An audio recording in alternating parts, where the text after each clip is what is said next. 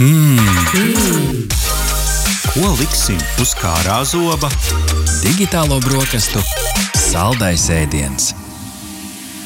Labrīt, klausītāji! Sveicam jūs atpakaļ pie digitālo brokastu galda. Lieli un mazi ekrāni ir mums visapkārt. Turklāt, nereti iemiegam vietā, pārlasot nākamās dienas darba plānu un mostamies pārskatot jaunākās ziņas, nemaz nerunājot par attālināto darbu, mācībām, spēļu spēlēšanu un vienkārši televizoru skatīšanos. Tas viss noved pie tā, ka dienā skatāmies ekrānos astoņas un vairāk stundas. Kāda ir ekrāna lietošanas ietekme uz redzi? Ko varam darīt, lai acis neciestu ilgtermiņā? Kādas aktualitātes ir redzes pārbaudas, kā arī redzes uzlabošanas tehnoloģijās? Vaicāsim mūsu šīs dienas raidījuma viesiem. Un ar mums kopā ir Kristīna Detkova, OC Vision optometriste. Labrīt! Kā arī Inese Gansauska, Filmana optikas galvenā optometriste. Labrīt! Labrīt! Rihards, kāda mums tāds veselības mēnesis šeit, digitālajās brokastīs. Pagājušā nedēļa runājām par dzirdi, šodien par redzi. Nu, varbūt, lai nedaudz eh, ieskicētu tad, uh, to lauku kopumā, saprastu, cik labi vai slikti pie mums Latvijā ir. Uh, sāksim varbūt ar Kristīnu. Kristīna, cik lielas problēmas Latvijā ir cilvēkiem ar redzi, varbūt uz tāda Eiropas fona? Nu, neesam neko izcilāki par citiem. Uh, esam aptuveni Eiropas līmenī. Uh, problēmas ir visās valstīs. Tas, kas varbūt tās mazliet satrauc, Latvijā mazāk kā citās Eiropas valstīs tiek lietot redzes korekcijas līdzekļi. Jo, ja, piemēram, Eiropā brilles vidēji lieto 51% iedzīvotāji, Latvijā tie aptuveni 39% tikai, un kontaktēts lietotājs ir vēl zemāks. Bet tas, kas mūs visus satrauc, gan Latvijā, gan Eiropā, ir, ka aizvien vairāk kļūst tuvredzīgu bērnu, un, un tur jau tas uh, slikti redzošo mazo cilvēku skaits, diemžēl, aug ik gadu. Mm -hmm, par šo mēs noteikti vēl parunāsim. Jā, bet es savukārt Inesē gribēju pavaicāt, eh, cik attīstīta ir optikas nozara uz citu valstu fona, vai mēs esam priekšā, vai turpat, kur visi citi? Nu, vispār, ja mēs runājam par Eiropu, tad mēs, at, es teiktu, mēs esam tādā ļoti labā pozīcijā. Tāpēc, ka Latvijā mums ir ļoti laba tā saucamā optometristu izglītība. Un, nu, es teiktu, mēs esam tādā top 5 Eiropas uh, Savienības valstu ziņā, kur tiešām šī kvalitatīvā izglītība ir piedāvāta.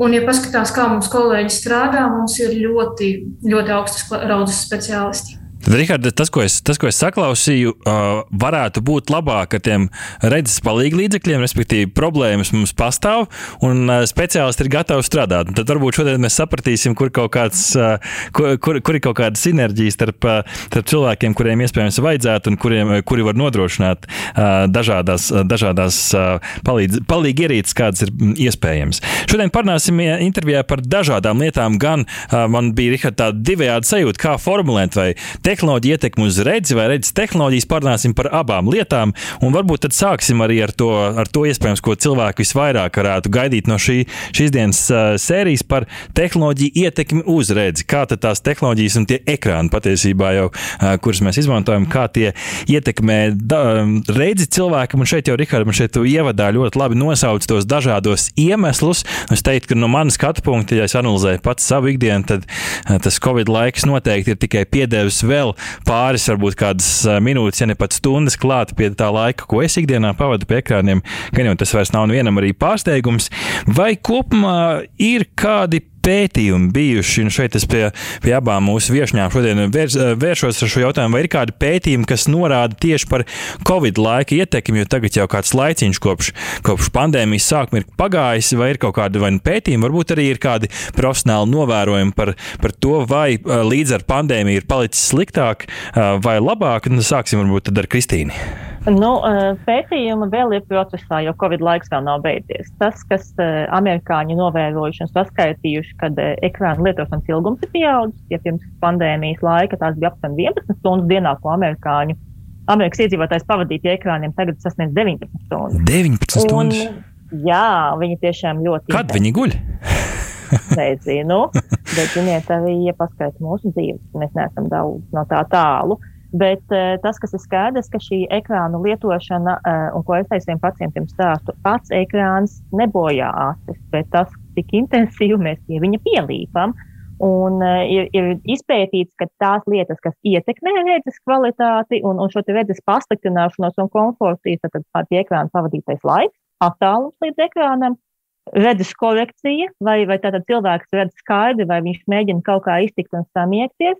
Uh, nu, un tad visi pārējie faktori, kā, kā veselīgs dzīvesveids, vecums, dzimums, kaitīgie un veselīgi ievedumi, tas ir jau sekojoši. Tātad šobrīd speciālisti pēta, kas ir tas, kā tie ekrānu viņu lietošana mums diemžēl, sabojāt dzīvi. Bet tik daudz, nu, tur vēl jāpagaida gadiņi, kamēr mēs neesam skaidrs. Uh, Ines, ja ne pētījumi, tad varbūt praksa ikdienā rāda, ka cilvēki vairāk pavada laiku pie ekrāniem. Varbūt ir kaut kādas jaunas problēmas parādījušās arī ar redzamums.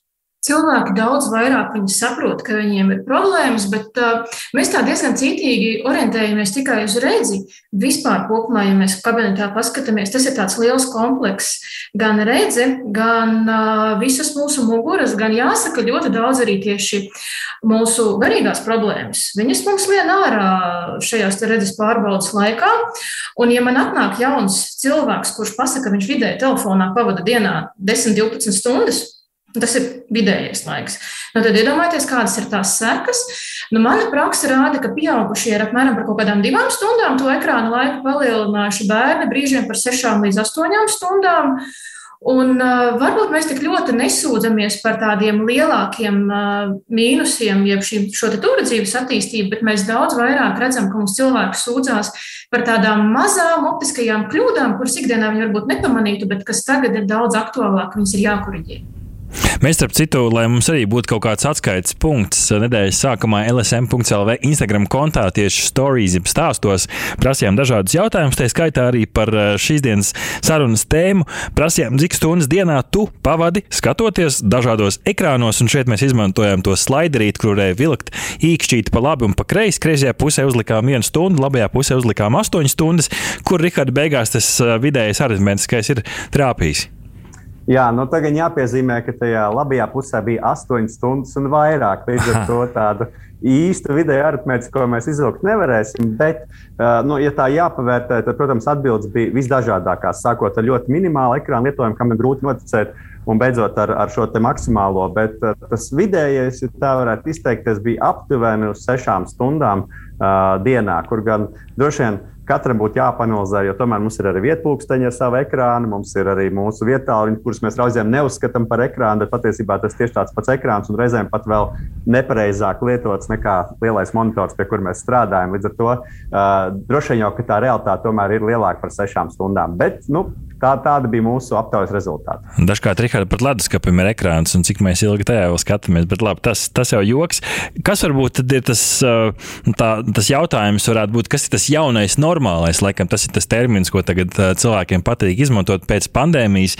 Kas varbūt ir tas jaunais normālais, cik stundas dienā ārsti nerekomendē pārsniegt to kontaktu, kas cilvēku acīm ir, ir ar ekrāniem, vai arī tur nekas nav mainījies? Kā Kristīna tur ir?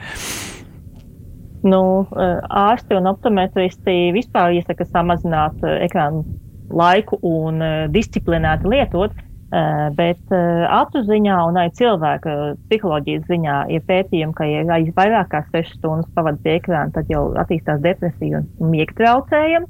Acīm tas ļoti atkarīgs no vecuma un no šīs slodes veida un intensitātes. Bērniem piemēram, līdz piecu gadu vecumam tā nevajadzētu pārsniegt vienu stundu dienā pie ekrāna, kas, gan, protams, ir, ir reāli pārsniegts. Tātad vidēji skaitās uz tām sešām stundām jātīmē, bet pareizi lietojot tā, nevis sešas stundas non-stopā. Mm -hmm. nu, laikam jau, Rihard, grūti nekad maziem bērniem tas baby shark, tu, tu, tu, tu, tu skan vairākas stundas dienā, tad laikam ir grūti to vien, bet nu, tas jau varbūt ir cita, citai, citai reizei, bet nu, tad te neviļus nāk prātā, Rihard, tas, tas jautājums, nu, ko, ko tad mēs varam darīt, jo dažkārt nu, nav īsti, labi, par bērniem varbūt tur vēl var diskutēt, bet nu, dažkārt pieaugušiem ir īpaši darbs, tā ir attālināti arī vēl joprojām saglabājies, un, nu, labi, izklaides arī gan jau, ka ir, uh, ko, mēs, ko mēs varam darīt, lai iespējams, uh, nu, varētu pildīt tās funkcijas, kas mums ikdienā ir jāpilda ar šiem ekrāniem, bet, eh, bet tomēr kaut kādā veidā eh, varētu vēl saglabāt to redzi arī, arī ilgtermiņā Inese. Un varbūt tad vēl Kristīna varēs eh, papildināt. Es varbūt bišķiņ gribētu pastāstīt to, ko Kristīna teica par pareizu lietošanu. Proti, man ļoti patika analoģija, kā Par stresu bija runāts, proti, iedomājieties, jūs paņemat rokās ūdens glāzi. Vai ūdens glāze jūsuprāt ir smaga? Visticamāk, jūs pateiksiet, nē. Vai viņa būs smaga pēc stundas noturētas rokā? Vai viņa būs smaga pēc četrām stundām noturētām rokā, un vai viņa būs smaga pēc astoņām stundām, vai jūs viņu vispār varēsiet noturēt? Un līdz ar to tas stāsts ir par to, ka jums laiku pa laikam vienkārši ir jānoliek uz galda un jāatpūšas. Tieši tas pats ir par šiem ekrāniem. Vidēji tāds ofisa darbinieks, kurš šobrīd strādā tālrunāt, viņš saka, nu, 7, 8 stundas dienā viņš skatās ekrānā, un tad ir vēl pāris stundas mājās, ko viņš pavada savā, savām vajadzībām. Un tad ir tā, ka, ja jūs nemākat nolikt šo ūdens glāzi uz galda, nu, tad tur ir diezgan normāls auzas. Un tāpēc mums ir jāiemācās ik pa 20 minūtēm. Mēs uztaisām to pusminūtes pauzi. Pusminūtes pauze acīm ļoti daudz ko dos.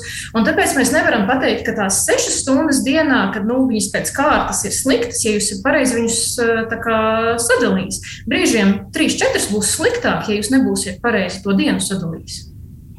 Tas ir ļoti svarīgs uh, etaps. Un, uh, mēs pat brīžiem saviem pacientiem sakām, ka jums ir 20 minūtes nostrādājām, 20 minūtes mēs vienkārši skatāmies tālumā, brīvi mirkšķinām, izkustinām acis, varam turpināt strādāt. Reizi stundā uz 5 minūtēm piecēlāmies kājās, kaut vai dažus pietupienus uztaisījām, aizgājām, uztaisījām tēju un viss pārējais.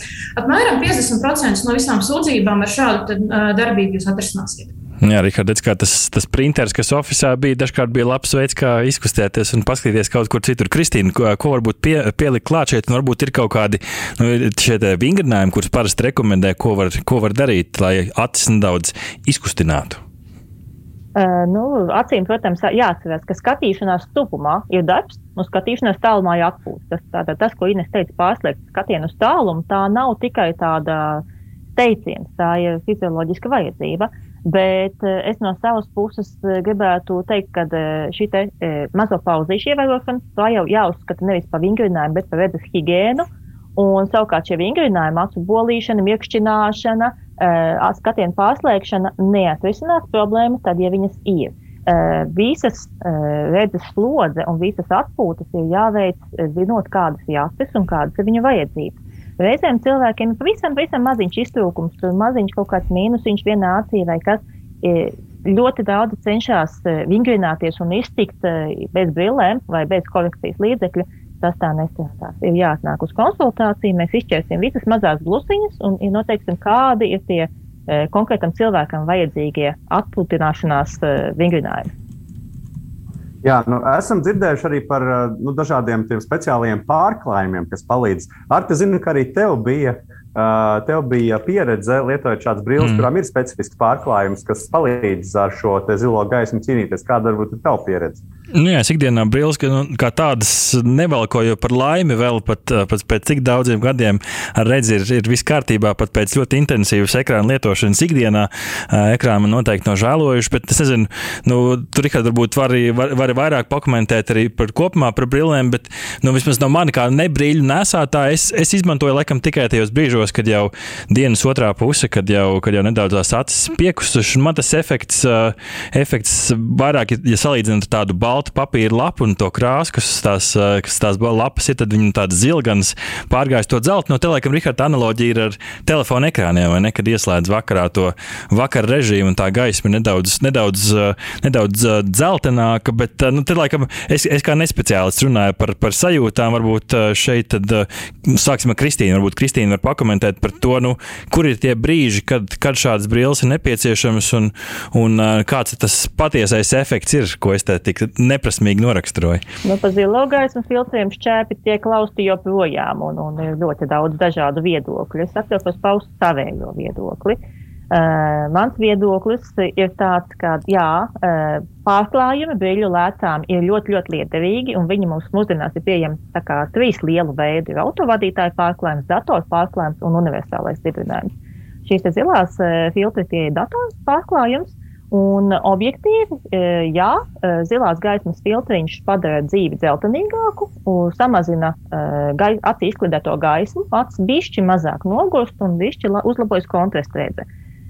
Daudzās valstīs šīs lētas tiek pozicionētas kā arī acu veselību taupošas, sargājošas, kas no, novērš un vēlāk ļauj rasties makulas problēmām, tīklenes problēmām, bet visas kompānijas, kas šos argumentus pie, izmanto savās reklāmās, diezgan daudz ir maksājušas sodus. Tad tas skaitās patērētāju maldināšana. Nav pierādīta ilgtermiņa zilo gaismu efektivitāte. Mans viedoklis, ja cilvēkam ir laba redzes un brilles nav vajadzīgas, nu, vai ir vajadzīga priekšā lēta, kas tomēr samazina acī ienākošo gaismu un šīs filtra uh, Eh, efekts ir vairāk eh, placebo un iedvesmas eh, rezultāts. Es teiktu, ka, ja jums brilles palīdz, tad visticamāk jāmeklē, ka problēma kaut kur citur. Mm -hmm. Ines, kā ir, kurā, kurā brīdī labāk uh, rekomendēt šādas brilles? Ja, ja man jau ir, ir šādas brilles, kurā brīdī labāk? Tajā brīdī, kad jau vakars un nogurums, vai tajā brīdī, kad, kad vēl viss ir labi ap pusdienas laiku? Vispār man gribētos pišķiņu no sākuma nokomentēt par tiem zilajām filtriem un zeltainīgo. Ir tādas, kuras var redzēt, ka viņas tiešām ir zilganīgas, un tad to zeltainīgo fonu var just. Bet ir tādas, ka viņas arī neredzamas. Piemēram, jebkurām kameleona brillēm, kas tumšojas saulē, viņām ir šie filtriņi, bet viņi visticamāk nebūs tik pamanāmi. Um, viņām ir, es teiktu, ka bišķiņa cita doma, pie kā mēs nepieskaramies. Uh, proti, ir tāda lieta kā hormonālā sistēma, kura tad, kad mēs uh, skatāmies spilgtā ekrānā, mums visu laiku saka, ir diena, mums ir jāstrādā, mēs ļoti aktīvi darbojamies. Un uh, tajā brīdī, kad pienāk vakars, mums vēl ar vienu ir diena, diena, diena, diena. Mēs pēkšņi izslēdzām savu telefonu gribējām aiziet gulēt, un mēs to fiziski nevaram izdarīt, tāpēc ka mūsu hormonālā sistēma tam nav sagatavojusies. Un vai viņas ir vajadzīgas vai nē, mums ir jāpaskatās. Ja mēs mākam telefonā salikt zeltainīgos filtrus, Ja mēs mākam salikt datorā, ka tas ekrāns ir pietiekami patīkams acīm, ja mēs nesēžam tādās ļoti izteikti zilās gaismās, tad mēs, protams, bez viņām varam iztikt. Bet ir tādi cilvēki, kuriem darba vidi ir, viņi atnāk un saka, es esmu pārguris, es nevaru tajā gaismā vispār vairs paskatīties. Tad šajos gadījumos arī bez stiprumiem es teiktu, ka viņas droši var taisīt un ka viņas tiešām noderēs tās brilles. Viņi ir, viņš ir ļoti labs risinājums. Bet, nu, kā es saku, viņš ir tā kā ziemas mētelis. Nu, ziemā ļoti vajadzīgs, bet vasarā, ir, ja ir plus 30 grādi, tad visticamāk viņš mums būs pilnīgi liekas un pat brīžiem traucējošs. Tāpēc, ja mēs ejam runāt ar speciālistu, tad mēs izstāstām, kādas mums ir tās vajadzības. Gribēju vaicāt, Jā, Kristīna, lūdzu. Es gribēju piebilst, ka ļoti jauks šis salīdzinājums ar ziemas mēteli, bet es pat teiktu, ka tas ir kažoks, mm -hmm. kas arī ziemā ir vajadzīgs tikai konkrētos apstākļos, bet noteikti tas nav ielāps uz katra cauruma. Uh -huh.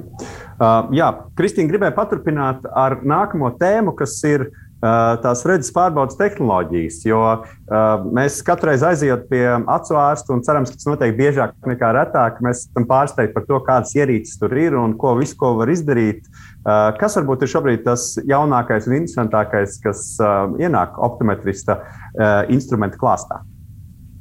Šis jautājums ir gadu runājums, nevis minūtes. Uh, jaunākais, ko es strādāju, un kas man ļoti patīk, ir tas par mantiņām, tie ir tas par multikombaini. E, ja kādreiz, tad, kad es sāku strādāt, e, pacienti nāca kabinetā un prasīja, vai jums ir kompjuters, kas mēra acis, un mēs teicām, lielākā daļa kabinetā, jā, jā, mums ir. Tagad šajā kompjuterītī ir savienots ļoti daudz dažādu funkciju, un veicot elementāru ātru mērījumu, optometrists iegūst ļoti daudz informācijas pārcīm. Ne tikai par šīm dēļu stiprumiem, bet arī par acu veselību, par sauso acu, par kropļojumiem, kādas ir acu vidēs Tātad šie multikombāni ir fantastisks zinātnisks lēciens un liels palīgs optometristiem. Ļoti jauki. Viņi ir ļoti dažādi, un, un katram optometristam ir savas iespējas lietot dažādas funkcijas un dažādus šos modeļus. Un ir ražotāji, kas arī taupa optometristu un atvārstu resursus, jo tie tomēr dārgi speciālisti, un mēs vēlamies radīt pieejamu produktu visās pasaules valstīs un visās vietās. Eh, šos kombinējumus ražotāji veidoja zem mazākus, efektīvākus, eh, līdz pat tam, ka var viena kvadrātmetra telpā nomērīt visas tās funkcijas un redzes veselības stāvokli. Un, eh, līdz ar arī Latvijā ienāk attālinātie pakalpojumi. Protams, ir ļoti grūti attālināt pārbaudīt redzes. Esmu veikusi dažas attālinātās redzes pārbaudes. Viņas nav tik perfektas kā klātienē, kad var nokomunicēt. Tāpat kā šodien mūsu intervija nav tik stulīga, kā ja būtu dzīvē tiekoties. Eh, bet šīs attēlotās tehnoloģijas ienāk, un eh, te, tās ierīces, kas ļauj korģēt pacientu ar fantastisku precizitāti, 0,01 dioptriju, nu, eh, tie ir tiešām profesionālie rīki, kas speciālistiem nu, ļauj darbu padarīt par baudām pasākumu. Jā, savukārt, ja mēs skatāmies uz to brīļu attīstības nākotni, Ines, nu, es atceros, ka savulaik vecmāmiņa bija ļoti priecīga par to, ka viņa varēja pacelt acis un redzēt tālumā, un pacelt acis, nolaist acis uz leju un redzēt tūmā. Un tas bija liels uh, panākums attiecībā uz brillēm. Ja mēs skatāmies uz tādu tālāku perspektīvu, piecus gadus, varbūt desmit gadus, kādas varētu būt brilles, uh, brilles nākotnē? Es teiktu, ka mēs no š, pie tā, kas mums šobrīd ir, mēs tā arī paliksim. Bet tas, ka mēs attīstīsim vienkārši to tehnoloģiju un tās brilles būs arvien patīkamāk nēsājamas, Bet mums jau tāpat tā optika, kas ir izstrādāta, ir ļoti patīkami lietojama, bet mēs vēl ar vienu Tā kā ejam attīstībā uz tām saucamajām viedajām brillēm, proti, oficiāliem darbiniekiem, kuriem mēs savienojam, tomēr attēls datora ekrānā ir izstiept roku attālumā. Attēls lasīšanai mums ir nu, apmēram 40 cm attālumā. Mēs ar vienu ejam uz gudrākām un uz gudrākām brillēm, kur, kā jūs teicāt, nu, ja vecmāmiņa varēja redzēt tūmā un redzēt uh, televizorā, nu, tad tagad tieši to pašu uztaisīt uh, tikai vieglāk, patīkamāk nēsājumu. Mums ir bijuši mēģinājumi bet arī Latvijā tādus tiešām ļoti gudru tehnoloģiju ieviest, piemēram, ar pieskārienu brīļu kājiņai, piemēram, lasāmo daļu uztaisīt lielāku vai attiecīgi mazāku. Šī gudras tehnoloģijas mums tomēr kaut kā nav aizgājušas. Tā kā mēs paliksim pie vecajām labajām lietām, mēs strādājam pie jauno cilvēku redzes slodzes noņemšanas tūmā, bet tās visas ir tādas mhm. tehnoloģijas, kuras viņas tiek izmantotas cilvēkiem, kuriem jau ir pārslodzes uz redzi, un ka mums kaut kas ir jādod papildus. Tie, kas tādā ikdienā nu, grib mājās tikai avīzi palasīt, tiem 30 mhm. gadus pārbaudītas tehnoloģijas ļoti labas un ļoti labi lietojamas. -hmm. Mums intervija, diemžēl, jau tojās strauji beigām. Kristīna, pavisam īsi lētas, kontaktlētas, vai tur arī ir kaut kāda attīstība? attīstības perspektīva, vai šobrīd jau ir ļoti labi, pavisam īsi, ja varam? Mums ir labi. Protams, ir arī visādas ekskluzīvās stiegu kontaklētas un, un attēlu veidojušās kontaklētas, bet tas, ko es gribēju teikt, mums visiem ir jauna telefona, jaunas iekārtas, bet arī kontaklētās materiāli un, un tas komforta līmenis, kāds ir sasniegts, viņš iet uz priekšu.